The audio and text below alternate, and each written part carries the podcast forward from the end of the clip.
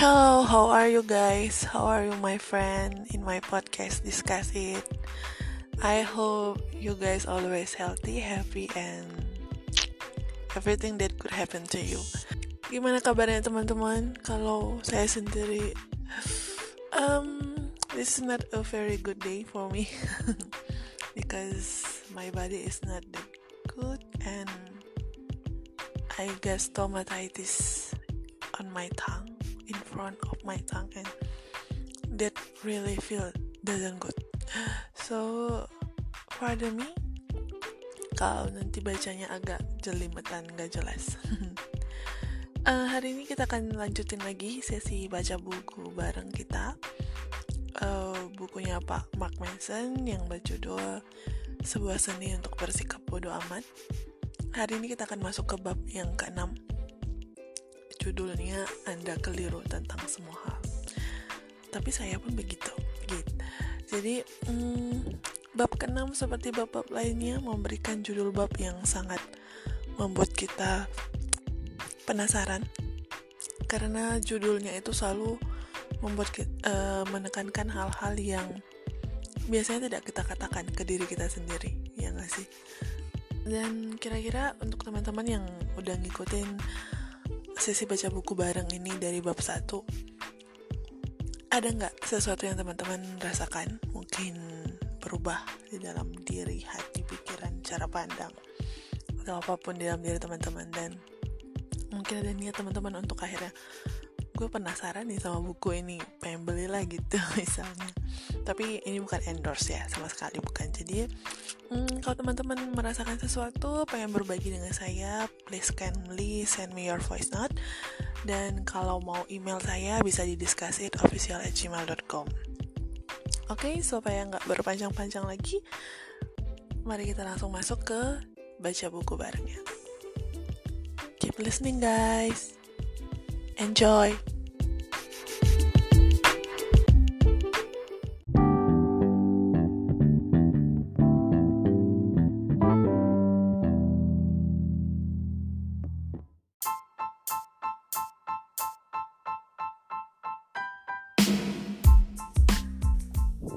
Anda keliru tentang semua hal, tapi saya pun begitu. 500 tahun lalu, para kartografer, pembuat peta percaya kalau California dulunya sebuah pulau. Para dokter meyakini bahwa dengan menyayat lengan seseorang atau di bagian tubuh mana pun yang mengakibatkan pendarahan dapat menyembuhkan penyakit. Para peneliti yakin bahwa api terbuat dari sesuatu yang disebut phlogiston Para wanita percaya bahwa menyekakan air seni anjing ke wajah mereka bisa membuat awet muda. Para astronom yakin bahwa matahari berevolusi mengelilingi bumi. Ketika saya masih seorang bocah, saya pikir mediocre adalah sejenis sayuran yang tidak saya sukai. Saya juga berpikir bahwa abang saya telah menemukan sebuah jalan rahasia di rumah nenek saya karena dia bisa keluar rumah tanpa harus meninggalkan kamar mandi. Spoiler alert, di situ ada sebuah jendela. Saya juga berpikir bahwa ketika teman saya dan keluarganya mengunjungi Washington DC, mereka entah bagaimana caranya bisa kembali ke masa lalu ketika dinosaurus hidup, karena BC artinya zaman dahulu kala. Saat remaja, saya mengatakan kepada semua orang bahwa saya tidak memedulikan apa pun. Padahal kebenarannya saya terlalu peduli. Orang lain mengatur hidup saya tanpa pernah saya ketahui. Saya pikir kebahagiaan adalah sebuah takdir dan bukan suatu pilihan. Saya kira cinta sejati begitu saja, bukan sesuatu yang diperjuangkan. Saya pikir menjadi keren harus dilatih dan dipelajari dari orang lain, bukannya kita ciptakan sendiri. Ketika saya masih pertama kali pacaran, saya pikir kami akan bersama selamanya. Dan kemudian saat hubungan itu berakhir, saya kira saya tidak akan pernah bisa merasakan hal yang sama lagi dengan seorang wanita. Dan ketika saya mengalami jatuh cinta lagi dengan seorang wanita, saya pikir cinta saja kadang tidak cukup. Dan kemudian saya menyadari bahwa setiap pribadi harus memutuskan tentang apa yang disebut cukup, dan bahwa cinta harus dibiarkan berjalan apa adanya. Setiap langkah dalam perjalanan hidup saya ternyata keliru tentang setiap hal. Sepanjang hidup saya, saya keliru menilai diri saya, orang lain, masyarakat, budaya, dunia, alam semesta, semua hal. Dan saya berharap itu akan terus terjadi dalam sisa hidup saya. Sama seperti Mark yang sekarang mampu melihat setiap cacat dan kesalahan Mark yang dulu, suatu hari Mark masa depan akan memeriksa kembali asumsi-asumsi, termasuk isi buku ini dari Mark yang sekarang, kemudian mendapati beberapa kesalahan serupa. Dan ini merupakan hal yang baik, karena artinya saya telah berkembang. Ada satu kutipan yang terkenal dari Michael Jordan tentang dirinya yang gagal dan gagal lagi, dan itu yang membuatnya sukses. Ya, saya selalu keliru tentang semua hal, lagi dan lagi, dan itu alasannya mengapa hidup saya menjadi lebih baik. Pertumbuhan merupakan proses yang berulang, yang tidak pernah berakhir. Ketika kita mempelajari sesuatu yang baru, kita tidak beranjak dari salah menuju benar, namun kita berangkat dari salah menuju sedikit salah. Dan ketika kita menambahkan sesuatu yang baru lagi, kita bergerak dari sedikit salah ke kesalahan yang lebih sedikit, dan kemudian kesalahan yang lebih sedikit lagi, dan seterusnya. Kita selalu dalam proses mendekati kebenaran dan kesempurnaan tanpa benar-benar dapat meraih kebenaran dan kesempurnaan itu sendiri. Sebaiknya kita tidak bernafsu untuk mencari jawaban paling benar bagi diri kita sendiri, namun lebih pada pencarian agar dapat menyingkirkan kekeliruan kita hari ini sehingga esok hari kekeliruan itu menjadi semakin kecil. Jika dilihat dari kacamata ini, perkembangan pribadi sebenarnya cukup ilmiah. Nilai-nilai yang kita punya tidak lain adalah hipotesis, perilaku yang ini baik dan penting, perilaku yang lain tidak. Tindakan kita adalah eksperimen. Emosi yang timbul serta pola pemikiran kita adalah sumber informasi kita. Tidak ada dogma yang benar tidak ada pula ideologi yang sempurna. Yang ada hanyalah bahwa pengalaman Anda telah menunjukkan kepada Anda mana yang benar untuk Anda, dan bahkan bahwa pengalaman juga bisa keliru. Dan karena Anda dan saya dan orang lain semuanya memiliki kebutuhan dan sejarah pribadi serta situasi hidup yang berbeda, kita semua tidak bisa tidak akan memiliki jawaban benar yang berbeda mengenai arti hidup kita dan bagaimana itu seharusnya dihidupi. Jawaban yang benar versi saya meliputi berkelana sendiri selama bertahun-tahun, tinggal di tempat yang tidak jelas, dan menertawakan kentut saya sendiri. Atau setidaknya itulah jawaban yang benar hingga sekarang. Jawaban itu akan berubah dan berevolusi, karena saya berubah dan berevolusi, dan saya sudah tumbuh, dewasa, dan lebih berpengalaman. Saya sadar betapa kelirunya saya, karena setiap hari kesalahan saya menjadi semakin sedikit banyak orang teramat terobsesi untuk dapat memiliki hidup yang benar, sampai-sampai mereka sesungguhnya tidak benar-benar menjalani hidup itu sendiri. Seorang wanita masih lajang dan kesepian dan ingin punya pacar, tapi dia tidak pernah keluar dari rumah atau berusaha. Seorang pria bekerja membanting tulang dan yakin kalau dia berhak naik pangkat, namun dia tidak pernah mengutarakannya kepada bosnya. Mereka diajarkan untuk takut akan kegagalan, akan penolakan, takut mendengar seseorang menampik permohonannya. Namun bukan itu poinnya. Tentu penolakan menyakitkan, kegagalan memuakan. Meskipun demikian, ada keyakinan tertentu yang kita pegang. Keyakinan bahwa kita takut untuk mempertanyakan atau melepaskan. Nilai-nilai yang telah memberikan arti dalam kehidupan kita selama bertahun-tahun. Wanita itu tidak kunjung beranjak keluar rumah dan pergi berkencan karena kalau sampai dia sungguh keluar, dia dipaksa untuk berhadapan secara nyata dengan keyakinannya sendiri untuk bisa memikat laki-laki. Pria tersebut tidak meminta promosi karena jika dia sampai mengutarakannya, dia akan dipaksa untuk berhadapan dengan keyakinannya sendiri tentang keahlian apa yang membuatnya layak dipromosikan. Lebih mudah untuk berdiam diri dalam keyakinan yang menyakitkan bahwa tidak ada seorang pun yang akan tertarik pada Anda, bahwa tidak ada seorang pun yang menghargai talenta Anda, daripada benar-benar menguji keyakinan tersebut dan menemukan jawaban yang paling tepat. Keyakinan jenis ini bahwa saya tidak cukup menarik, jadi mengapa gusar? Atau bahwa bos saya seorang bajingan, jadi bodoh amat. Dirancang untuk memberi kita kenyamanan yang biasa saja dengan menggadaikan kebahagiaan dan kesuksesan yang lebih besar nantinya. Ini adalah strategi jangka panjang yang buruk. Namun, kita berpegang pada keyakinan itu karena kita berasumsi kalau kita benar, karena kita menyangka kalau sudah tahu apa yang kelak akan terjadi. Dengan kata lain, kita berasumsi kita tahu seperti apa akhir ceritanya.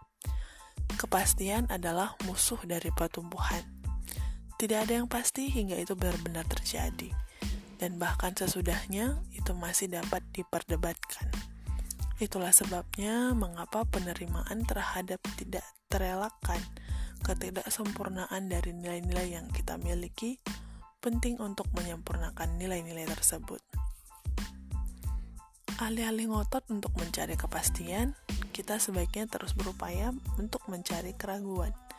Keraguan tentang keyakinan kita sendiri, keraguan tentang perasaan kita sendiri, keraguan tentang apa yang dipersiapkan masa depan untuk kita jika kita tidak keluar dan menciptakannya sendiri daripada berusaha menjadi benar setiap saat, sebaiknya kita cari tahu bagaimana kita bisa keliru setiap saat, karena kita memang demikian.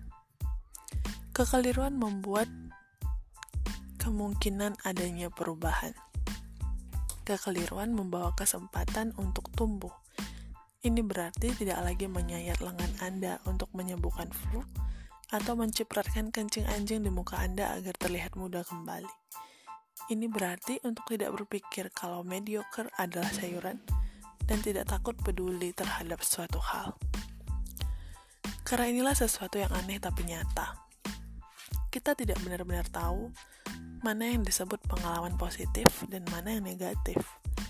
Beberapa momen yang sulit dan penuh tekanan dalam kehidupan kita berubah menjadi sesuatu yang sangat membangun dan memotivasi beberapa pengalaman terbaik dan yang paling memuaskan dalam kehidupan kita menjadi pengalaman yang sangat mengganggu dan menyurutkan semangat. Jangan percaya konsep Anda tentang pengalaman positif atau negatif.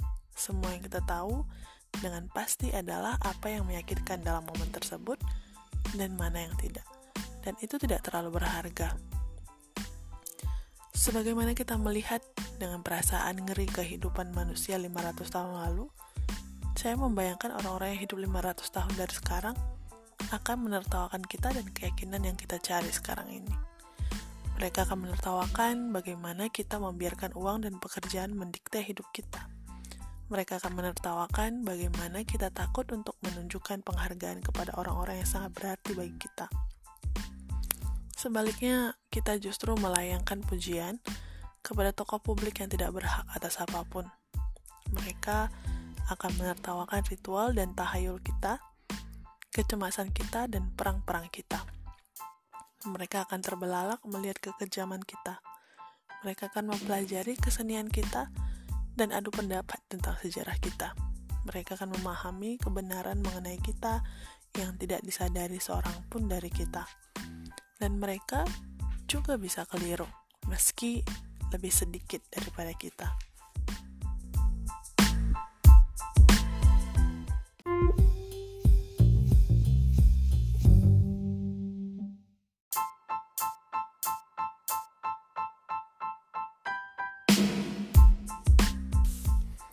arsitek keyakinan kita sendiri. Coba ini, ajak beberapa orang untuk masuk ke dalam suatu ruangan yang dilengkapi dengan beberapa tombol. Lalu katakan kepada mereka bahwa jika mereka melakukan sesuatu secara spesifik tanpa diberitahu itu apa persisnya, maka akan ada satu lampu yang menyala menunjukkan kalau mereka telah memenangkan poin. Sampaikan kepada mereka untuk melihat berapa banyak poin yang mereka peroleh dalam jangka waktu 30 menit. Ketika para psikolog melakukan eksperimen ini, yang terjadi mungkin sama dengan yang Anda kira. Orang-orang duduk dan mulai memukul-mukul tombol secara sembarangan hingga pada akhirnya lampu menyala, menunjukkan kalau mereka mendapat poin. Secara logis, mereka kemudian mengulangi apa pun yang mereka lakukan untuk mengantongi lebih banyak nilai Dan ketika lampu tidak menyala, mereka mulai bereksperimen dengan urutan yang lebih rumit. Menekan tombol tiga kali, kemudian sekali, kemudian menunggu lima detik, dan ding, satu poin lagi. Namun akhirnya itu pun tidak lagi berhasil. Maka mungkin ini tidak ada kaitannya dengan tombol sama sekali, pikir mereka. Mungkin ini ada kaitannya dengan bagaimana saya duduk, atau apa yang saya sentuh. Mungkin ini ada kaitannya dengan kaki saya. Ding, poin tambahan. Ya, Mungkin saya perlu menggerakkan kaki saya dulu, baru menekan tombol lain. Ding. Secara umum, dalam waktu 10-15 menit, setiap orang berhasil menemukan perilaku dengan urutan yang spesifik untuk mendapatkan poin lebih banyak. Biasanya ini adalah sesuatu yang aneh, seperti berdiri dengan satu kaki, atau mengingat urutan tombol yang panjang yang ditekan dalam kurun waktu tertentu sambil menghadap ke arah tertentu. Namun ini bagian terlucunya. Sebenarnya poin tersebut muncul secara sembarangan. Tidak ada urutannya, tidak ada polanya, hanya lampu yang terus menyala dengan suara ding. Dan orang-orang berjungkir balik sembari meyakini bahwa apa yang mereka lakukan menghasilkan poin. Mungkin terkesan kejam, tapi inti dari eksperimen ini adalah untuk menunjukkan betapa cepat pikiran manusia mampu muncul dan meyakini omong kosong yang tidak nyata. Dan pada akhirnya, kita semua menjadi sangat mahir. Setiap orang keluar dari ruangan tersebut dengan perasaan yakin bahwa dia berhasil melewati sebuah eksperimen dan memenangkan permainan. Mereka semua percaya bahwa mereka telah menemukan urutan tombol yang sempurna untuk mendapatkan poin. Namun metode yang mereka temukan sama uniknya dengan pribadi mereka masing-masing. Seorang pria menemukan urutan memencet tombol yang panjang yang hanya bisa dipahami dirinya sendiri. Seorang gadis yakin dia harus menyentuh langit-langit beberapa kali agar bisa mendapatkan angka. Ketika dia meninggalkan ruangan, dia kecapekan karena harus melompat-lompat. Otak kita adalah mesin makna. Yang kita maksud dengan makna adalah produk atau hasil asosiasi yang dilakukan otak kita terhadap dua pengalaman atau lebih. Kita menekan tombol, lalu kita melihat ada lampu yang menyala. Kita berasumsi kalau tombol tersebut menyebabkan lampu menyala. Ini pada intinya adalah dasar dari yang kita sebut sebagai makna. Tombol, lampu, lampu, tombol. Kita melihat sebuah kursi kita lihat warnanya abu-abu. Otak kita kemudian menarik satu asosiasi antara warna, yaitu abu-abu, dan benda, yaitu kursi, kemudian membentuk makna. Kursi berwarna abu-abu. Pikiran kita terus berputar, menghasilkan banyak dan semakin banyak asosiasi untuk membantu kita memahami dan mengendalikan lingkungan di sekitar kita. Apa pun yang berhubungan dengan pengalaman kita, baik eksternal maupun internal, menghasilkan asosiasi dan hubungan yang baru dalam benak kita. Setiap hal, mulai dari kata-kata di halaman ini hingga konsep tata bahasa yang Anda gunakan untuk menguraikannya, hingga pikiran kotor yang mengembara di benak Anda ketika tulisan saya mulai membosankan atau berulang-ulang. Setiap pikiran, impuls, dan persepsi ini tersusun dari ribuan hubungan syaraf dan lebih yang menyala bersamaan menjajarkan pikiran Anda dalam nyala api pengetahuan dan pemahaman. Namun ada dua masalah. Pertama, otak tidak sempurna. Kita acap kali keliru melihat dan mendengar suatu hal. Kita melupakan banyak hal atau cukup mudah keliru menafsirkan suatu peristiwa. Kedua, begitu kita menciptakan sebuah makna bagi diri kita sendiri, otak kita dirancang untuk mempertahankannya. Kita condong berprasangka terhadap makna yang telah dibuat oleh pikiran kita, dan kita tidak mau melepaskannya. Bahkan jika kita melihat bukti yang bertentangan dengan makna yang telah kita ciptakan, kita sering mengabaikannya dan tetap meyakininya apa pun yang terjadi. Seorang komedian Emo Phillips pernah berkata, Dulu saya pikir otak manusia adalah organ yang paling ajaib dalam tubuh saya. Kemudian saya sadar siapa yang mengatakan ini. Fakta yang kurang menguntungkan adalah hampir semua yang kita ketahui dan percayai merupakan produk dari ketiga akuratan dan prasangka yang hadir dalam otak kita. Banyak atau bahkan sebagian besar nilai kita merupakan hasil dari peristiwa yang tidak mewakili dunia secara luas, atau dengan kata lain, hasil dari masa lalu yang keliru dipahami seluruhnya. Pangkal dari semua ini, sebagian besar keyakinan kita keliru, atau lebih tepatnya lagi, semua keyakinan keliru. Beberapa hanya sedikit lebih keliru dari yang lainnya pikiran manusia adalah ketidakakuratan yang campur aduk. Dan meskipun ini membuat Anda menjadi tidak nyaman, ini merupakan konsep yang sangat penting untuk diterima seperti yang akan kita lihat berikut ini.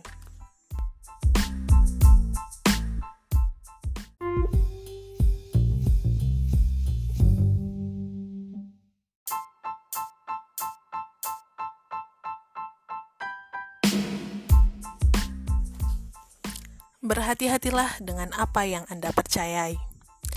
Pada 1988, ketika menjalani terapi, seorang jurnalis dan pengarang berhaluan feminis Meredith Maran mendapati sebuah pengalaman yang mengagetkan. Ayahnya pernah melakukan kekerasan seksual terhadapnya ketika masih kecil. Ini sangat mengempas. Suatu ingatan yang berusaha ia lupakan sejak beranjak dewasa. Namun di usia 37 tahun, dia memutuskan untuk menghadapi ayahnya dan juga mengatakan kepada keluarganya apa yang telah terjadi. Kabar dari Meredith ini membuat seluruh keluarganya ketakutan. Ayahnya langsung menyangkal. Beberapa anggota keluarga memihak Meredith, yang lain memihak ayahnya.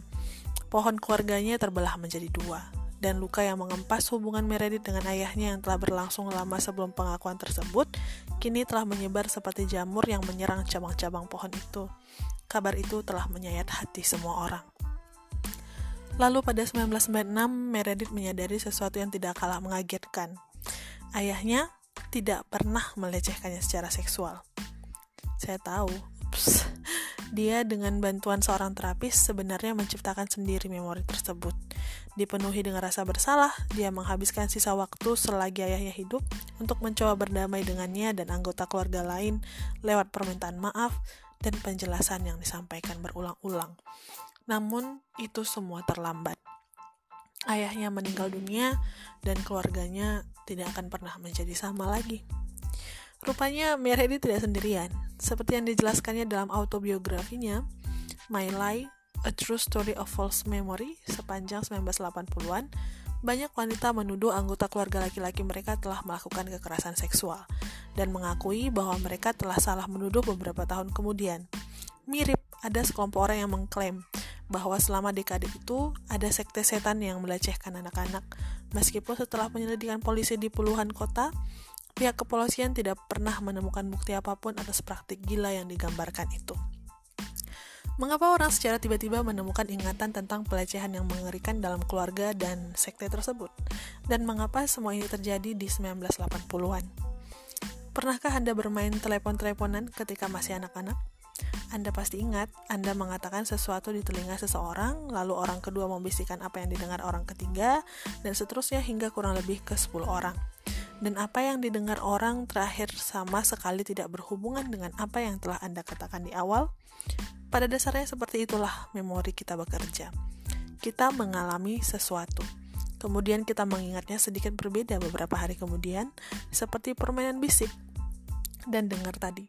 Kemudian dia menceritakannya kepada seseorang dan kita mengisi beberapa kerumpangan di plot cerita tersebut dengan polesan tersendiri untuk memastikan agar semuanya masuk akal dan kita tidak dianggap gila. Kemudian, kita mempercayai polesan-polesan kecil yang mengisi kerumpangan tadi dan menceritakannya di kesempatan yang lain. Karena tidak sungguh terjadi, maka kita juga sedikit keliru memahaminya. Dan kita sedang mabuk di suatu malam setahun kemudian saat menceritakan kisah itu, dan kita memolesnya sedikit lagi. Oke, sejujurnya kita baru saja mengarang sepertiga dari kisah itu. Namun ketika kita siuman minggu berikutnya, kita tidak mau mengaku kalau kita adalah pembohong besar. Jadi kita meneruskan cerita kita dengan versi pemabuk yang telah diperbarui dan baru saja ditambahkan di minggu berikutnya. Dan lima tahun berikutnya, kita bisa bersumpah demi apa pun, baik demi Tuhan maupun demi kubur ibuku, bahwa kisah isapan jempol yang lebih nyata dari yang sesungguhnya terjadi itu 50% nyata. Kita semua melakukan ini. Anda melakukannya, saya melakukannya bodoh amat. Seberapa jujur dan beritikat baik dari kita, kita selalu berada dalam suatu keadaan yang abadi untuk menyesatkan diri kita dan orang lain karena otak kita hanya dirancang agar efisien, bukan akurat. Tidak hanya memori kita yang payah, sampai pada titik bahwa testimoni dari saksi mata tidak dianggap serius dalam kasus-kasus persidangan. Otak kita berfungsi dengan cara yang sangat bias. Bagaimana bisa begitu? Begini, Otak kita selalu mencoba untuk membuat situasi kita saat ini menjadi masuk akal berdasarkan apa yang telah kita yakini dan alami. Setiap keping informasi baru diukur dengan nilai dan kesimpulan yang telah kita punyai. Akibatnya, otak kita selalu bias terhadap apa yang kita rasa sebagai sesuatu yang benar pada saat itu. Jadi ketika kita mempunyai hubungan yang manis dengan saudari kita, kita akan menafsirkan hampir semua ingatan tentangnya dalam cahaya yang positif. Namun ketika hubungan menjadi masam, kita akan sering melihat memori yang sama dengan cara pandang yang berbeda. Mereka ulang memori baru sedemikian rupa sehingga kita bisa menyampaikan kemarahan kita sekarang ini terhadapnya. Hadiah lucu yang diberikannya pada Natal tahun lalu sekarang muncul dalam ingatan sebagai bentuk yang merendahkan dan menggurui. Momen ketika dia lupa mengundang kita ke rumah danaunya sekarang tidak terlihat sebagai sebuah kealpaan yang manusiawi, namun sebagai suatu penelantaran yang kejam. Cerita palsu pelecehan Meredith jauh lebih masuk akal setelah kita memahami nilai-nilai yang menumbuhkan keyakinannya. Pertama-tama, Meredith sudah punya hubungan yang tegang dan sulit dengan ayahnya di sepanjang hidupnya. Kedua, Meredith sering kali mengalami serangkaian kegagalan ketika menjalin hubungan dengan laki-laki, termasuk pernikahan yang gagal. Jadi terkait dengan nilai-nilai yang dimilikinya, hubungan yang dekat dengan laki-laki tidak berjalan cukup hangat. Kemudian, di awal 1980-an, Meredith menjadi seorang feminis radikal dan mulai melakukan penelitian tentang kekerasan terhadap anak-anak. Satu persatu dia dihadapkan pada kisah-kisah mengerikan tentang kekerasan dan dia banyak bertemu dengan para penyintas hubungan incest, biasanya anak perempuan selama bertahun-tahun. Dia juga melaporkan secara luas sejumlah kajian yang tidak akurat yang muncul sekitar masa itu. Studi yang kemudian secara kasar melebih-lebihkan merebaknya pelecehan anak-anak. Studi yang paling terkenal melaporkan bahwa sepertiga wanita dewasa telah dilecehkan secara seksual saat masih anak-anak. Belakangan angka yang ditampilkan rupanya keliru. Dan di bagian paling atas dari semua itu, Meredith jatuh cinta dan memulai hubungan dengan wanita lain. Seorang penyintas incest. Meredith menjalin sebuah hubungan yang saling tergantung dan buruk dengan pasangannya itu. Yang mana di sela-sela hubungan ini, Meredith terus berusaha untuk menyelamatkan, tanda kutip, wanita lain dari masa lalunya yang traumatik. Pasangannya tersebut juga menggunakan pengalaman traumatiknya sebagai senjata rasa bersalah untuk mendapatkan kasih sayang Meredith. Lebih banyak tentang hal ini dan tentang batasan-batasan nanti di bab 8. Sementara itu, Hubungan Meredith dengan ayahnya semakin memburuk. Ayahnya tidak terlalu kaget ketika tahu putrinya punya hubungan lesbian, dan dia pun mengikuti terapi dengan ketat. Para terapisnya, dengan nilai dan keyakinan yang mereka miliki, mulai menerapkan kebiasaan lama mereka, bersikeras kalau pasti bukan hanya tekanan pekerjaannya sebagai reporter atau tidak harmonisnya hubungannya yang membuat Meredith begitu tidak bahagia. Pasti ada hal lain, sesuatu yang lebih dalam. Di zaman itu, sebuah bentuk penanganan baru yang disebut repress memory therapy atau terapi memori yang ditekan menjadi luar biasa populer. Dalam terapi ini, seorang terapis membuat kliennya berada dalam keadaan semacam trans. Lalu di situ, dia didorong untuk merunut akar masalahnya dan mengalami kembali memori masa kanak-kanak yang terlupakan. Memori tersebut biasanya menyenangkan, namun setidaknya ada sebagian kecil merupakan pengalaman traumatis. Dan demikianlah Meredith yang malang, dalam keadaan yang menyedihkan dan mencoba menemukan kasus incest dan pelecehan anak setiap hari, marah kepada ayahnya, bertahan seumur hidup menanggung kegagalan hubungan dengan laki-laki, dan satu-satunya orang yang tampaknya bisa memahami atau mencintainya adalah wanita lain yang juga penyintas incest. Oh, dan dia berbaring di sofa menangis setiap hari dengan seorang terapis yang terus memintanya mengingat sesuatu yang tidak ada dalam ingatannya. Dan voila, Anda memiliki sebuah resep mujarab untuk menciptakan satu memori kekerasan seksual yang tidak pernah terjadi. Prioritas terbesar pikiran kita ketika sedang mengolah pengalaman adalah menafsirkan pengalaman tersebut dengan cara tertentu agar cocok dengan semua pengalaman, perasaan, dan keyakinan kita sebelumnya. Namun, sering kita mengalami situasi kehidupan di mana masa lalu dan masa kini tidak sesuai, dalam kesempatan-kesempatan semacam itu, apa yang kita alami pada suatu momen bertentangan dengan semua hal yang telah kita anggap benar dan masuk akal di masa lalu. Dalam upaya untuk mencapai kecocokan, pikiran kita kadang akan dalam kasus seperti itu menciptakan memori palsu.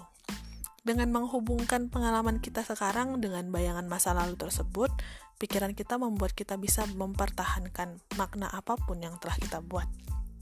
Seperti yang telah disebutkan sebelumnya, kisah Meredith tidak unik. Pada kenyataannya, di 1980-an dan awal 1990-an, ratusan orang yang tidak bersalah dituduh melakukan kekerasan seksual dengan latar belakang situasi yang hampir sama.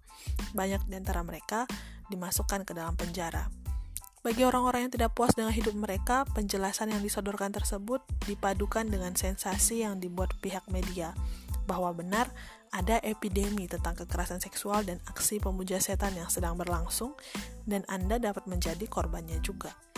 Memberikan insentif bagi pikiran bahwa sadar banyak orang untuk memalsukan sedikit ingatan mereka dan untuk memberikan penjelasan atas penderitaan mereka saat ini dengan suatu cara yang menjadikan mereka korban dan menghindari tanggung jawab. Repress memory terapi ini kemudian difungsikan sebagai suatu alat untuk menarik keluar hasrat-hasrat bawah sadar ini dan memindahkannya ke dalam sebuah bentuk ingatan yang tampak nyata. Proses ini dan kondisi pikiran yang dihasilkannya menjadi begitu umum sampai-sampai sebuah istilah diperkenalkan, yaitu sindrom memori palsu atau false memory syndrome. Ini mengubah proses kerja di ruang sidang ribuan terapis digugat dan kehilangan izin mereka. Repress memory terapi tidak lagi digunakan dan diganti dengan metode yang lebih praktis. Penelitian terkini hanya menyadarkan kita akan pelajaran yang menyakitkan dari era tersebut, yaitu keyakinan kita bisa dipengaruhi dan ingatan kita tidak bisa diandalkan. Ada banyak kebijakan konvensional di luar sana yang mengatakan kepada Anda untuk mempercayai diri sendiri, untuk ikuti nyali Anda, dan segala jenis klise yang terdengar menghibur. Namun yang benar adalah untuk sedikit mempercayai diri sendiri. Lagi pula, jika hati dan pikiran kita tidak dapat diandalkan, mungkin kita perlu lebih dalam mempertanyakan maksud dan motivasi kita sendiri. Jika kita semua selalu keliru, tidakkah skeptisisme diri dan kekakuan yang menantang keyakinan dan asumsi kita sendiri menjadi rute paling logis untuk mengolahnya? Mungkin terdengar menakutkan dan seakan menghancurkan diri sendiri. Namun sebenarnya ini kebalikannya. Bukan saja pilihan yang lebih aman, tapi juga membebaskan.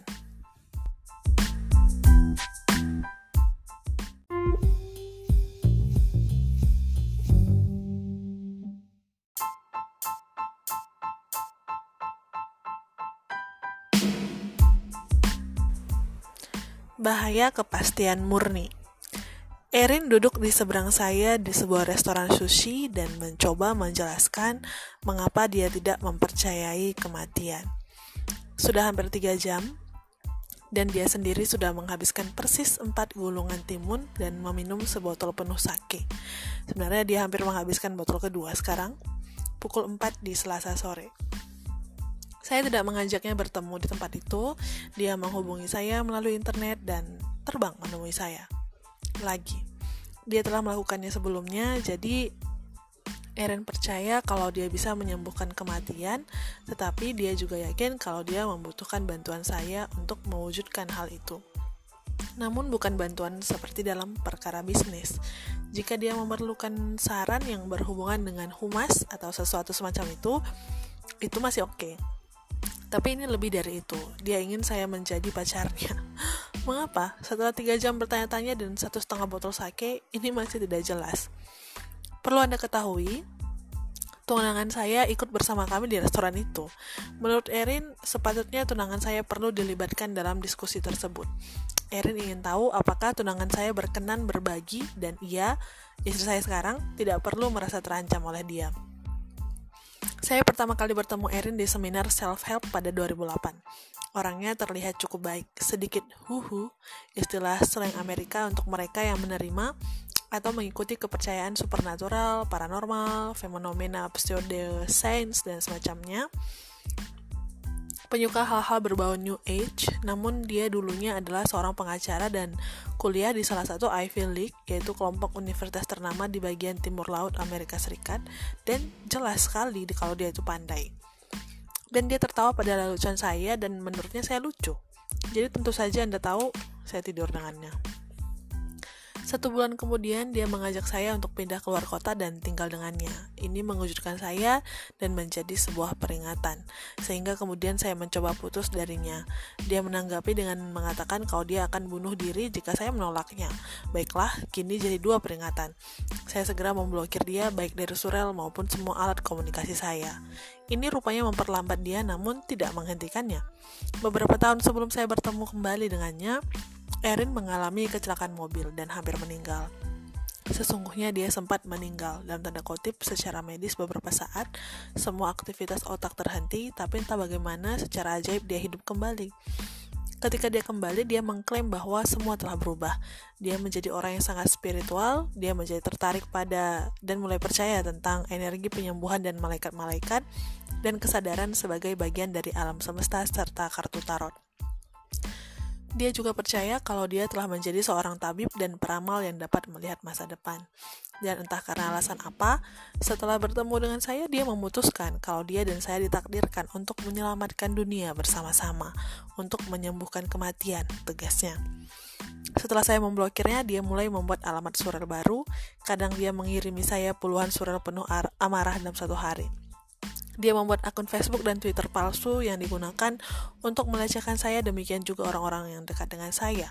Dia menciptakan sebuah situs web yang hampir sama dengan milik saya dan menulis puluhan artikel yang mengklaim bahwa saya adalah mantan kekasihnya dan bahwa saya telah berbohong kepadanya dan selingkuh, bahwa saya telah berjanji untuk menikahinya, serta bahwa dia dan saya ditakdirkan untuk bersama. Ketika saya menghubunginya agar menutup situs tersebut, dia mengatakan kalau dia akan melakukannya asalkan saya terbang ke California untuk bersamanya ide untuk berkompromi datang dari pihaknya. Dan setelah semua hal yang terjadi, kesimpulannya tidak berubah. Saya ditakdirkan untuk bersamanya. Bahkan bahwa Tuhan telah menakdirkan hal ini. Bahwa dia benar-benar terbangun di tengah malam setelah mendengar suara malaikat yang memerintahkan agar kami menjalin hubungan istimewa demi mengarungi era baru kedamaian abadi di muka bumi. Iya, dia sungguh mengatakan hal ini kepada saya. Hingga saya duduk bersamanya di restoran sushi itu, sudah masuk ribuan surat ke inbox saya. Entah saya melangkapi atau tidak, entah saya balas dengan sopan atau emosional, tidak ada yang berubah. Pikirannya tidak pernah berubah, keyakinannya tidak pernah goyah. Ini sudah berjalan selama tujuh tahun dan masih terus. Dan demikianlah, di restoran sushi kecil itu kami bersama Erin yang sedang menenggak sake dan membual berjam-jam tentang bagaimana dia menyembuhkan batu ginjal kucingnya dengan menyalurkan energi hingga saya pun berpikir, Erin adalah pecandu self-improvement. Dia menghabiskan 10.000 US dollar untuk membeli buku dan mengikuti seminar serta kursus. Dan bagian paling gila dari semua ini adalah bahwa Erin menerapkan mentah-mentah semua ilmu yang telah dipelajarinya. Dia memiliki mimpinya sendiri. Dia gigih memperjuangkannya. Dia memvisualisasikan dan menerjemahkannya dalam aksinya yang nyata. Dan meskipun dia mendapatkan penolakan atau kegagalan, dia akan bangkit lagi dan mencobanya lagi. Dia tidak kenal lelah untuk bersikap positif. Dia mempunyai pandangan yang cukup tinggi terhadap dirinya sendiri. Maksud saya, dia mengklaim dapat menghidupkan kucing yang mati seperti halnya Yesus membangkitkan Lazarus dari kematian. Ah, yang benar saja. Namun semua nilainya benar-benar payah dan tidak ada satupun yang berguna. Faktanya, segala hal baik yang dilakukannya tidak membuatnya baik. Ada sebuah kepastian dalam dirinya yang tak mampu ia tanggalkan. Dia bahkan telah berulang kali mengaku kepada saya bahwa dia tahu kegemarannya ini jelas-jelas tidak rasional dan tidak sehat dan membuat baik dia maupun saya tidak bahagia. Namun karena alasan tertentu, hal tersebut tampak benar baginya sehingga tidak bisa diabaikan dan dihentikan begitu saja. Pertengahan 1990-an, seorang psikolog Roy Baumeister mulai meneliti tentang konsep kejahatan. Pada dasarnya, dia mengamati orang-orang yang melakukan hal yang jahat dan mengapa mereka melakukan itu. Asumsi yang ada ketika itu adalah bahwa orang-orang melakukan hal buruk karena mereka merasa dirinya buruk. Artinya, mereka memandang rendah diri mereka. Salah satu temuan Baumeister yang mengejutkan adalah bahwa asumsi tersebut sering kali keliru. Dalam kenyataannya, yang biasa terjadi justru sebaliknya. Beberapa kriminal kelas kakap punya kepercayaan dan kepercayaan diri yang cukup baik, dan perasaan inilah terlepas dari realitas yang ada di sekitar mereka, yang memberi mereka semacam pembenaran untuk melukai dan berbuat buruk pada orang lain. Orang-orang yang merasa tindakan buruknya dibenarkan pasti merasakan kepastian yang tak terbantahkan akan nilai-nilai kebenaran yang mereka yakini dan aneka kepercayaan diri serta keistimewaan yang mereka pikir pantas mereka dapatkan.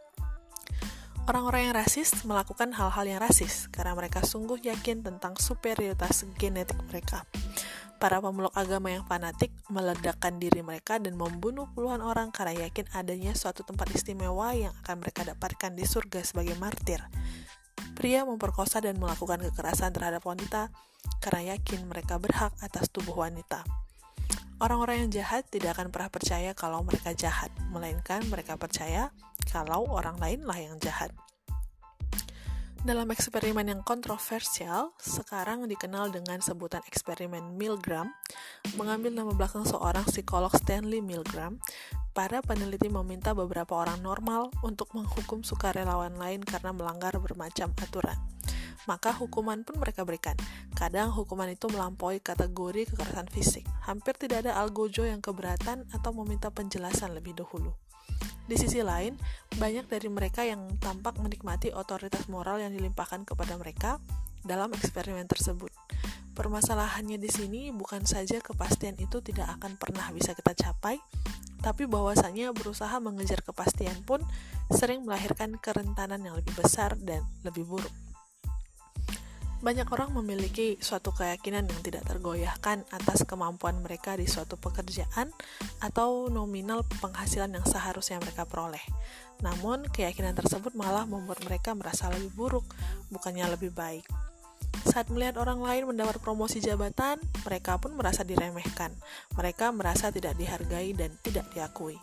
Bahkan sebuah perilaku sederhana seperti diam-diam membaca kotak SMS di ponsel pacar Anda atau bertanya pada teman Anda tentang penilaian orang-orang lain tentang diri Anda sesungguhnya didorong oleh kerapuhan dan kegelisahan yang mendera demi memperoleh kepastian. Anda boleh saja mengecek pesan singkat pasangan Anda dan tidak menemukan sesuatu pun, tapi jarang sekali berakhir seperti itu. Kemudian Anda akan mulai curiga jangan-jangan dia punya ponsel lain. Anda boleh saja merasa diremehkan dan diinjak-injak dalam karir Anda setelah Anda tidak masuk dalam promosi tersebut.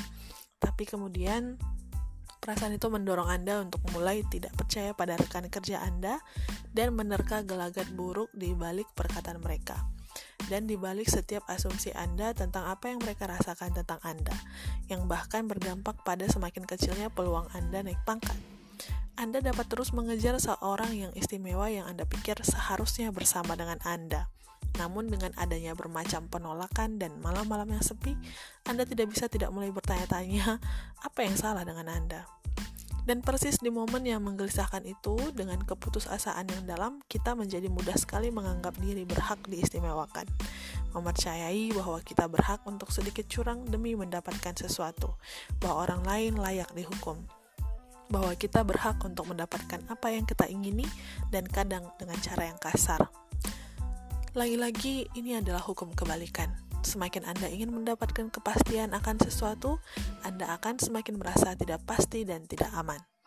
Demikian pula sebaliknya, semakin Anda menerima sepenuhnya ketidakpastian dan ketidaktahuan akan aneka hal, Anda akan semakin merasa nyaman karena tahu persis apa yang tidak Anda ketahui.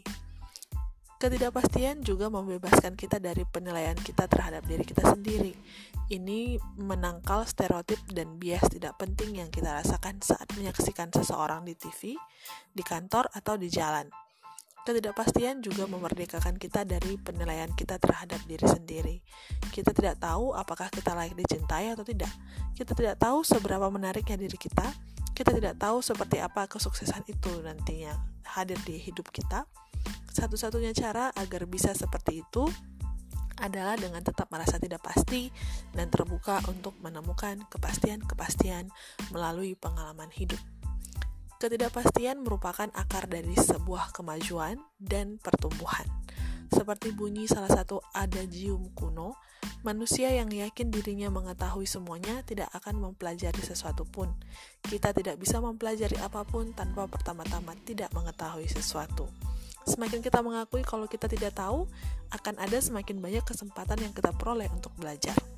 Nilai-nilai yang kita miliki tidak sempurna dan tidak penuh, dan berasumsi bahwa nilai-nilai tersebut sempurna dan penuh sama dengan menempatkan diri kita dalam sebuah pola pikir dogmatik berbahaya yang melahirkan kesewenang-wenangan dan pelarian atas tanggung jawab.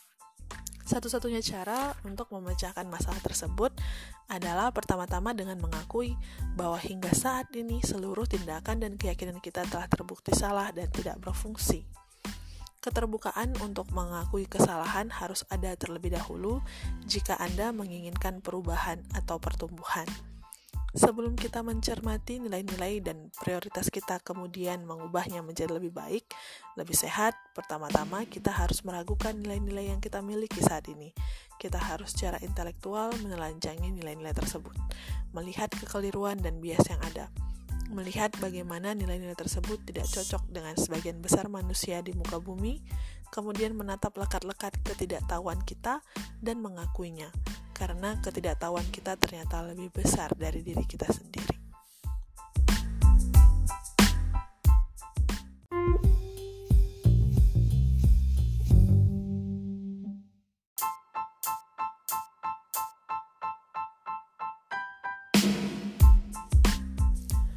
Hukum menghindar Manson Pasti Anda pernah mendengar hukum Parkinson, pekerjaan merentang mengisi alokasi waktu yang tersedia untuk menuntaskannya. Anda juga tidak diragukan lagi telah mendengar hukum Murphy. Hal buruk yang mungkin terjadi akan sungguh terjadi. Ya, lain kali ketika Anda berada di sebuah pesta koktail yang glamor dan ingin membuat seseorang terkesan, coba ucapkan hukum menghindar Manson atau Manson's Law of Avoidance.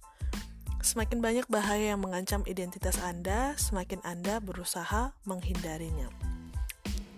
Itu berarti bahwa semakin banyak hal yang mengancam cara Anda memandang Anda sendiri, cara Anda meyakini bahwa Anda akan menjadi sedemikian sukses atau tidak sukses, cara Anda bisa menghayati nilai-nilai yang Anda yakini, maka semakin sering Anda akan menghindar dari keinginan untuk mewujudkannya. Ketika Anda telah mengetahui cara Anda untuk bisa hidup di dunia ini, tentunya Anda merasakan semacam kenyamanan. Nah, setiap hal yang menggoyang kenyamanan tersebut, meskipun berpotensi membuat hidup menjadi lebih baik, pada dasarnya menakutkan. Hukum Manson berlaku untuk hal yang baik dan buruk dalam kehidupan. Memiliki penghasilan jutaan dolar dapat mengancam identitas Anda, setara dengan kehilangan semua uang Anda. Menjadi seorang bintang rock yang terkenal bisa mengancam identitas Anda, setara dengan kehilangan pekerjaan Anda. Inilah mengapa orang kadang takut sukses. Untuk alasan yang sama mereka takut gagal.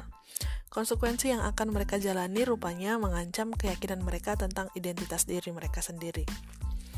Anda menghindari menulis skenario yang sejatinya adalah mimpi Anda, karena jika melakukan itu akan timbul pertanyaan terhadap identitas diri Anda yang adalah seorang petugas klaim asuransi.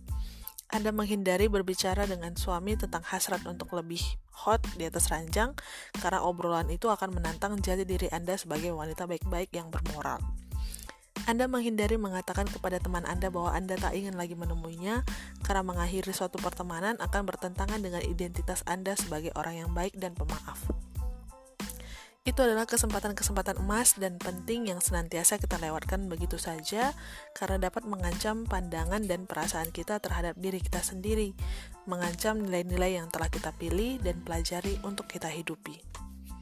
Saya punya seorang teman yang bertahun-tahun menceritakan niatnya untuk memperkenalkan karya seninya secara online dan berusaha menjadi seniman profesional atau setidaknya semi profesional. Dia berbicara mengenai hal ini selama bertahun-tahun, bahwa dia telah menyisihkan uang, bahwa dia bahkan membuat website yang berbeda dan telah mengunggah portofolionya. Tetapi dia tidak pernah meluncurkan karyanya, selalu ada alasan. Resolusi lukisannya tidak cukup bagus, atau dia baru saja melukis karya yang lebih bagus, atau masih belum ada waktu untuk hal tersebut. Tahun demi tahun berlalu dan dia tidak pernah melepaskan pekerjaan nyatanya. Mengapa? Karena meski mimpi akan penghasilan yang layak dari seni itu menyenangkan, ada ketakutan nyata jika nanti dirinya menjadi seniman talaku. Menjadi seniman talaku jauh-jauh lebih mengerikan ketimbang menjadi seniman yang tak pernah didengar. Setidaknya dia nyaman dengan sebutan seniman yang tak pernah didengar. Saya punya teman lain, seorang jawara pesta, doyan minum-minum dan gemar mengejar-ngejar wanita. Setelah bertahun-tahun hidup mengejar kenikmatan, dia merasa dirinya sangat kesepian depresi, dan tidak sehat. Dia ingin mengubah gaya hidup pestanya, dia iri dengan beberapa orang di antara kami yang sedang menjalin hubungan dan lebih mapan daripada dia, namun dia tidak pernah berubah. Setelah tahun demi tahun yang dilaluinya, malam demi malam yang hampa, botol demi botol, macam-macam alasannya, selalu ada dalih untuk mengurungkan tekadnya. Identitasnya akan sangat terancam jika dia harus melepaskan gaya hidupnya. Jawara pesta, hanya itu yang dia ketahui. Itu identitasnya. Melepaskan jati dirinya sama saja dengan melakukan harakiri psikologis itu bahasa Jepang artinya bunuh diri. Kita semua memiliki nilai-nilai kita sendiri. Kita melindungi nilai-nilai ini. Kita mencoba untuk menghidupinya dan mencari pembenaran atasnya serta merawatnya bahkan jika kita tidak bermaksud melakukannya. Pasalnya itulah yang cara kerja otak kita. Seperti telah diketahui sebelumnya, terdapat sebuah bias dalam cara berpikir kita yang asalnya dari apa yang sudah kita ketahui, apa yang kita yakini. Jika saya percaya bahwa saya adalah pria yang baik-baik, saya akan menghindari situasi yang berpotensi menentang keyakinan tersebut. Jika saya yakin diri saya adalah koki yang luar biasa, saya akan mencari kesempatan untuk membuktikan hal itu pada diri saya sendiri lagi dan lagi. Keyakinan selalu mengambil kendali atas diri kita. Kita tidak akan bisa mengelak dari perilaku menghindar dan kepanikan sampai kita mau mengubah cara pandang terhadap diri sendiri, apa yang kita yakini dan apa yang tidak. Kita tidak akan mampu berubah. Dalam hal ini, mengenal diri sendiri atau menemukan diri sendiri bisa membahayakan. Ini bisa membuat Anda terpaku pada sebuah peran yang kaku dan membebani Anda dengan ekspektasi yang tidak penting. Ini bisa menutupi Anda dari potensi diri dan peluang dari luar. Saya katakan jangan temukan diri Anda. Saya berkata, jangan kenali diri Anda, karena inilah yang akan menjaga Anda untuk tetap berusaha dan mencari. Dan ini akan memaksa Anda untuk tetap rendah hati dalam penilaian Anda dan menerima berbagai perbedaan dari banyak orang.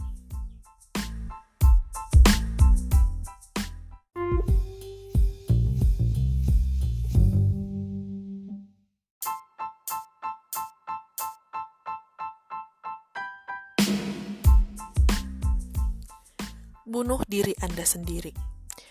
Buddhisme berpendapat bahwa ide Anda tentang siapa diri Anda merupakan sebuah konstruksi mental yang sewenang-wenang dan bahwa Anda sebaiknya melepaskan ide tentang keberadaan Anda sama sekali. Ide atau ukuran yang Anda gunakan untuk menyatakan diri Anda sesungguhnya dapat menjebak diri Anda, dan karena itu lebih baik Anda melepaskan segalanya. Dengan demikian, bisa dikatakan bahwa Buddhisme mendorong Anda untuk bodoh amat. Ini mungkin terdengar sinting, namun ada beberapa keuntungan psikologis jika kita mempraktikkan ini.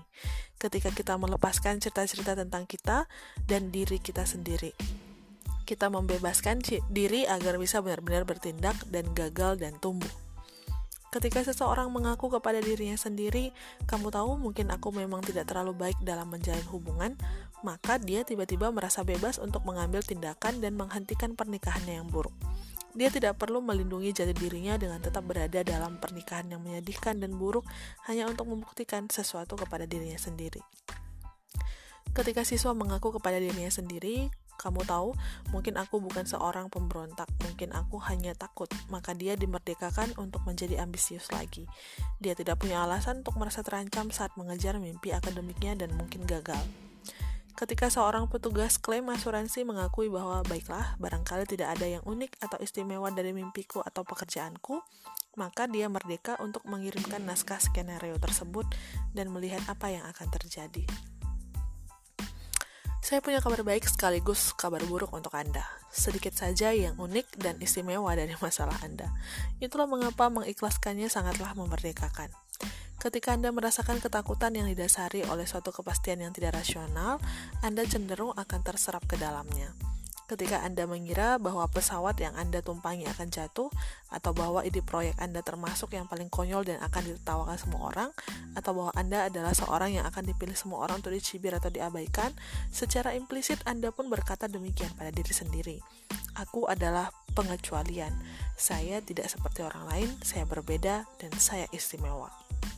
Ini adalah bentuk narsisme, murni dan sederhana.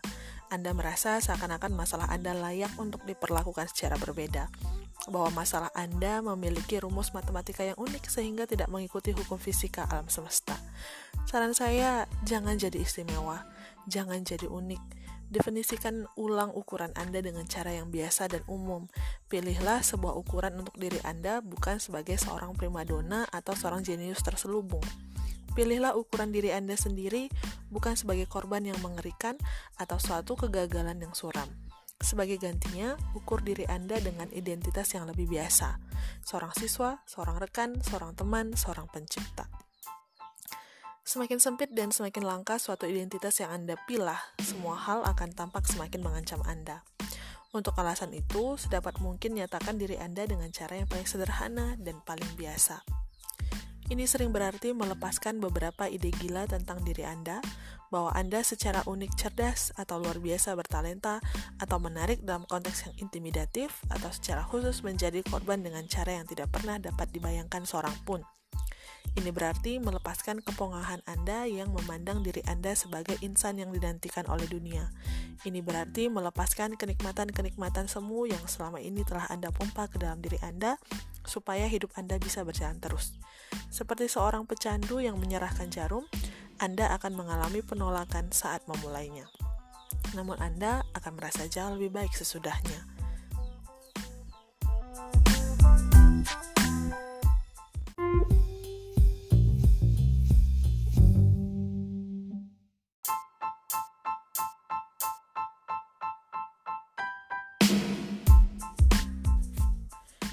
Cara menjadi tidak terlalu pasti pada diri sendiri. Menanyai diri sendiri dan meragukan pikiran dan keyakinan kita sendiri merupakan salah satu keahlian yang paling sulit untuk dikembangkan. Namun, ini bisa dilakukan.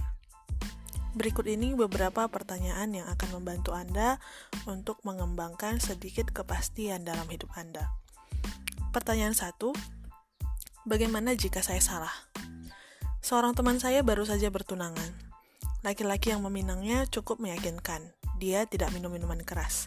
Dia tidak memukulnya atau memperlakukannya dengan kasar. Dia ramah dan punya pekerjaan yang mapan. Namun sejak pertunangan, abang teman saya itu tidak henti menasihatinya tentang ketidakdewasaan pilihan hidupnya, memperingatkan dia bahwa dia akan melukai dirinya sendiri jika hidup bersama dengan pria ini bahwa dia akan membuat suatu kesalahan, bahwa dia ceroboh. Dan setiap kali teman saya bertanya kepada abangnya, masalahmu apa sih? Memangnya kau terganggu? Dia berlagak seakan-akan tidak ada masalah, bahwa tidak ada hal yang mengganggunya soal pertunangan, bahwa dia hanya berusaha menolong dan menjaga adik perempuannya. Namun jelas ada sesuatu yang mengganggunya. Mungkin ini adalah bentuk ketidakamanannya sendiri tentang pernikahan. Mungkin ini hanya rivalitas antara saudara kandung semata. Mungkin ini adalah kecemburuan. Barangkali dia hanya tenggelam dalam perasaan menjadi korban, bahwa dia tidak tahu bagaimana cara untuk menunjukkan kebahagiaan kepada orang lain tanpa pertama-tama membuat orang itu merasa hidupnya menderita. Terdapat aturan umum bahwa kita semua adalah pengamat yang paling buruk di dunia, khususnya jika diminta untuk mengamati diri kita sendiri. Saat kita marah atau cemburu atau kecewa, kadang kita justru menjadi orang terakhir yang mengetahuinya. Dan satu-satunya cara untuk menemukan hal ini adalah dengan melubangi baju zirah keyakinan kita sendiri, yaitu terus-menerus bertanya, apa yang mungkin menjadi kekeliruan kita? Apakah saya pencemburu? Dan jika demikian, mengapa? Apakah saya marah? Tidakkah dia benar saya hanya melindungi ego saya sendiri? Pertanyaan seperti ini perlu menjadi satu kebiasaan mental. Dalam banyak kesempatan, tindakan sederhana seperti melontarkan pertanyaan-pertanyaan semacam itu membangkitkan kerendahan hati dan kasih sayang yang diperlukan untuk menyelesaikan banyak permasalahan kita. Namun, penting untuk dicatat bahwa hanya karena Anda bertanya kepada diri Anda sendiri apakah Anda memiliki pemahaman yang keliru, tidak serta-merta berarti Anda sungguh memiliki pemahaman keliru tersebut. Jika suami Anda menghajar Anda hanya karena daging panggang yang gosong dan Anda bertanya kepada diri Anda, apakah Anda keliru mempercayai bahwa dia sedang memperlakukan Anda dengan tidak benar? Tidak bisa dipungkiri. Kadang Anda benar. Tujuannya hanya untuk melayangkan pertanyaan dan menertawakan pikiran kita pada saat itu, bukan untuk membenci diri Anda sendiri. Penting untuk diingat bahwa demi suatu perubahan di dalam hidup Anda, Anda harus pernah keliru akan sesuatu. Jika Anda duduk di sana, merasa sedih hari demi hari, itu berarti Anda sudah keliru tentang sesuatu yang besar dalam hidup Anda. Dan jika Anda belum mampu menemukan kekeliruan tersebut dengan terus bertanya kepada diri Anda, maka tidak ada yang akan berubah. Pertanyaan kedua, apakah artinya jika saya keliru? Banyak orang mampu bertanya pada diri mereka sendiri apakah mereka keliru. Namun, hanya sedikit yang mampu melangkah lebih jauh dan mengetahui dengan benar apa artinya jika mereka keliru. Penyebabnya adalah rasa sakit yang ada di balik kekeliruan kita tersebut. Langkah ini bukan saja mempertanyakan nilai-nilai kita, namun juga memaksa kita untuk mempertimbangkan apa jadinya dan seperti apa rasanya memiliki sebuah nilai yang bertentangan dan berbeda itu. Aristoteles menulis, Tanda dari seorang yang terpelajar ada pada kemampuannya untuk menertawakan suatu pemikiran tanpa harus menerimanya. Mampu melihat dan mengevaluasi nilai-nilai yang berbeda tanpa perlu menerapkannya mungkin adalah keahlian utama yang dituntut untuk mengubah hidup seseorang dengan cara yang sangat berarti. Seperti kasus abang teman saya di atas, pertanyaan untuk dirinya harusnya apa artinya jika ternyata pendapat saya keliru tentang pernikahan saudari saya? Kadang jawaban dari pertanyaan semacam itu cukup belak-belakan, dengan bentuk jawaban seperti, saya seorang yang egois, rapuh, keparat, narsis. Jika dia keliru dan ternyata pertunangan saudarinya baik-baik saja, sehat dan bahagia, sungguh tidak ada penjelasan lain untuk perilaku sang abang selain dia memiliki rasa tidak aman dan nilai-nilai yang kacau. Dia mengira dirinya tahu apa yang terbaik untuk adiknya dan bahwa sang adik tidak bisa membuat keputusan besar dalam hidupnya. Dia berasumsi dia memiliki hak dan tanggung jawab untuk membuat keputusan bagi saudarinya. Dia yakin dialah yang benar dan orang lain pasti salah. Bahkan ketika hal ini terkuak, entah dalam diri abang teman saya itu maupun diri kita sendiri, pengakuan semacam itu sulit diterima. Ini menyakitkan. Itulah mengapa hanya sedikit orang yang mampu melakukannya. Meski demikian, pertanyaan-pertanyaan tersebut diperlukan untuk menemukan masalah inti yang memicu perilakunya, dan kita yang menyebalkannya. Pertanyaan ketiga, apakah kekeliruan akan menciptakan permasalahan yang lebih baik atau buruk ketimbang permasalahan saya sekarang, baik untuk diri saya maupun orang lain? Ini adalah cara paling jitu untuk menentukan apakah kita sudah menemukan beberapa nilai yang solid atau kita sepenuhnya orang yang gila yang kerjanya merecoki orang lain, termasuk diri kita sendiri. Di sini tujuannya adalah untuk melihat masalah mana yang lebih baik. Karena seperti yang dikatakan si panda nyinyir, kalau teman-teman tahu itu ada di bab sebelumnya, masalah kehidupan itu tidak ada akhirnya. Dalam kasus abang teman saya, pilihan apa yang dimilikinya? A. Terus membuat drama dan gesekan dalam keluarga, memperumit apa yang seharusnya menjadi saat yang membahagiakan, dan menghancurkan kepercayaan dan rasa hormat saudarinya. Semua karena dia memiliki firasat. Beberapa orang mungkin menyebutnya intuisi bahwa laki-laki ini tidak baik untuknya. B. Tidak mempercayai kemampuannya sendiri untuk menentukan mana yang benar atau mana yang salah atas kehidupan saudarinya, dan tetap rendah hati mempercayai kemampuannya untuk membuat keputusan sendiri, dan bahkan jika dia tidak bisa mempercayainya, menerima dan menghargai apa pun itu sebagai bentuk cintanya pada adiknya. Sebagian besar orang memilih opsi A. Itu karena pilihan A adalah jalan setapak yang lebih mudah. Ini tidak memerlukan pemikiran yang rumit, tidak perlu berpikir dua kali, dan tidak ada penolakan keputusan yang mengganggu Anda. Pilihan A juga menciptakan kepedihan yang paling dalam bagi semua orang yang terlibat. Sementara, pilihan B menjaga hubungan yang sehat dan bahagia, yang dibangun di atas kepercayaan dan rasa hormat. Pilihan B memaksa orang untuk tetap rendah hati dan mengakui kelalaian. Pilihan B juga memungkinkan orang untuk tumbuh melampaui rasa tidak aman mereka, serta mengenali situasi manakala mereka menjadi impulsif atau tidak adil atau egois. Namun, pilihan B ini sulit dan menyakitkan jadi sebagian besar orang tidak memilihnya. Abang teman saya saat memprotes pertunangan adiknya masuk ke dalam suatu peperangan imajinatif dengan dirinya sendiri. Tentu dia yakin bahwa apa yang dilakukannya adalah untuk melindungi saudarinya. Namun seperti yang kita lihat, keyakinan bersifat sewenang-wenang. Lebih parahnya, kadang bisa dibuat-buat untuk membenarkan nilai dan ukuran yang telah kita pilih untuk diri kita sendiri. Sejatinya, dia memilih untuk menghancurkan hubungan dengan saudara perempuannya daripada mempertimbangkan kemungkinan dia bisa saja keliru. Meskipun pilihan yang terakhir dapat menolongnya lepas dari rasa tidak aman yang jelas-jelas membuatnya keliru.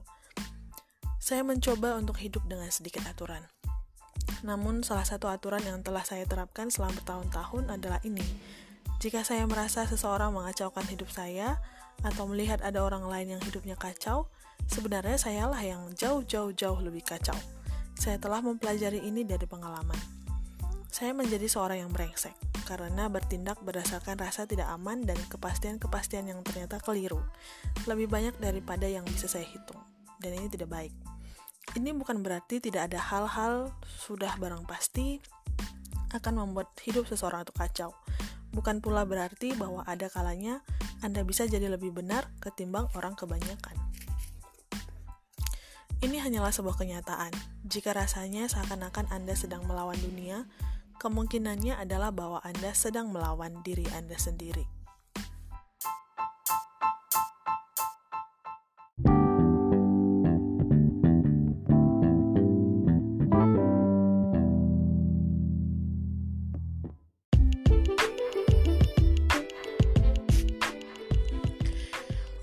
Itu tadi dia teman-teman bab 6 dari bukunya Pak Mark Manson, Seni untuk Bersikap Bodoh Amat. Bab 6 yang berjudul Anda Keliru Tentang Semua Hal. Tapi begitu juga saya. Uh, menarik topiknya yang ada di bab 6 ini bagi saya secara pribadi ya, karena uh, dulu saya itu pernah iseng uh, saya tuh generasi tahun 9 lahir tahun 92 ya jadi hmm, kira-kira waktu saya SMP atau SMA uh, eh, akun media sosial uh, Facebook itu benar-benar terkenal. Jadi sekitar mulai tahun 2009 I open my uh, own account in Facebook. Jadi dari tahun 2009 itu saya kelas 2 SMA kalau nggak salah. Saya mulai update about my life di Facebook dan dari 2009 sampai sekitar 2017 atau 18 itu saya iseng. Jadi waktu sekitar 2017 atau 2018 saya iseng-iseng untuk scroll scroll scroll ke bawah ke bawah ke bawah ke bawah. Apa yang udah pernah saya tulis itu waktu awal-awal saya buka akun Facebook. Jadi waktu saya buka mulai dari pertama sekali saya pakai itu Facebook dan uh, itu semacam apa ya saya merasa kayak hmm, saya membaca status-status orang yang kayaknya bukan gue banget deh gitu. Uh, ada perasaan dalam diri saya bilang hah beneran aku yang buat status lebay dan menjijikan kayak gini gitu. Dan dari status Facebook itu saya bisa melihat bagaimana proses perkembangan mental saya sih secara pribadi. Jadi kalau dulunya saya itu orang yang cukup apa pun semuanya dituang di status Facebook dan itu kelihatan banget kalau saya itu orang yang tidak punya tempat berbagi ya jadi kalau saya sih gitu uh, karena saya nggak punya ber tempat berbagi di dunia nyata jadinya uh, segala hal yang aku pikirkan yang ada di otakku aku tuangkan di media sosial gitu dan semakin lama semakin lama uh, titik turning pointnya itu adalah sekitar tahun 2011 uh, atau 2012 gitu. Jadi sekitar tahun itu status-status aku yang sebelumnya lebay sekali semuanya itu kayak apa pun masalah yang ada aku lihat di hidupku aku taruh jadi status uh, mulai 2012 statusku tuh mulai agak rohani. Jadi semuanya tentang Tuhan tentang ayat Alkitab segala segala macam segala macamnya. Tapi tetap tetap ada juga status yang lebay lah kayak gitu. Terus uh, setelah aku tamat kuliah mungkin ya atau pas masa-masa koas mungkin sekitar tahun 2015 kayak gitu. Kalau nggak salah atau 2014 mulai lagi berubah. Uh, di situ status aku udah udah jarang lah buat status dengan tulisan langsung gitu. Biasanya hanya share resep makanan share video lucu segala macam segala macam. Dan sampai di tahun 2018 ketika aku melihat hidup aku uh, benar-betul sudah berubah. Benar-benar uh, banyak perubahan yang terjadi dalam hidupku, cara berpikirku dalam mental dan emosionalku. Jadi ketika aku melihat hidupku itu betul-betul ya iya aku jijik lihat diriku yang dulu bahkan aku pernah ambil kesimpulan kayak seandainya aku bertemu dengan orang seperti diriku di tahun 2009-2010 itu aku juga nggak akan mau berteman gitu loh dan syukurnya perjalanan hidupku membawaku ke titik ini menjadi pribadi yang mau mengoreksi diriku sendiri berkaca dari pengalamanku gitu. Jadi hmm, sama seperti yang dibahas di bab 6 ini bahwa hidup kita ini adalah perjalanan dari kekeliruan perjalanan dari belajar kesalahan yang sudah kita lakukan untuk bisa berbuat sesuatu yang lebih baik. Dan kita tidak akan pernah sempurna karena akhirnya uh, bukan kesempurnaan lah yang kita kejar tapi perbaikan diri. Semakin sedikit kekeliruan yang kita lakukan. Jadi kalau dulu waktu SMA um, hidupku itu 80% keliru yang kulakukan. Maka ketika aku beranjak kuliah mulai berkurang menjadi 70% berkurang menjadi 60% 50% dan seterusnya gitu.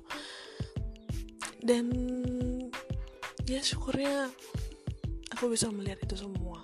Nah gimana dengan teman-teman? Kira-kira teman-teman bisa nggak coba merenungkan apa yang sudah teman-teman jalani sepanjang hidup teman-teman? Uh, ada nggak perubahan yang teman-teman rasakan dalam segi cara berpikir mental dan emosional teman-teman ketika um, berada di titik yang sekarang kalau teman-teman kiranya mau cerita ke saya boleh send me your voice note atau langsung email di discussionofficial@gmail.com dan sesi baca buku bareng kita masih ada tiga bab lagi. Jadi buku ini berisi 9 bab. Ini sudah bab yang ke-6 jadi saya harap teman-teman tetap bersama dengan saya dalam perjalanan baca buku ini sampai habis nanti. Dan kalau teman-teman ada masukan saran dan sebagainya saya I'm like an open book. Silahkan teman-teman bisa kirimkan kapan pun ke saya. Dan terima kasih untuk semua teman-teman yang udah dengerin podcast ini sampai akhir. Sampai jumpa lagi di podcast selanjutnya. Tetap jaga kesehatan tetap bahagia teman-teman dan bye bye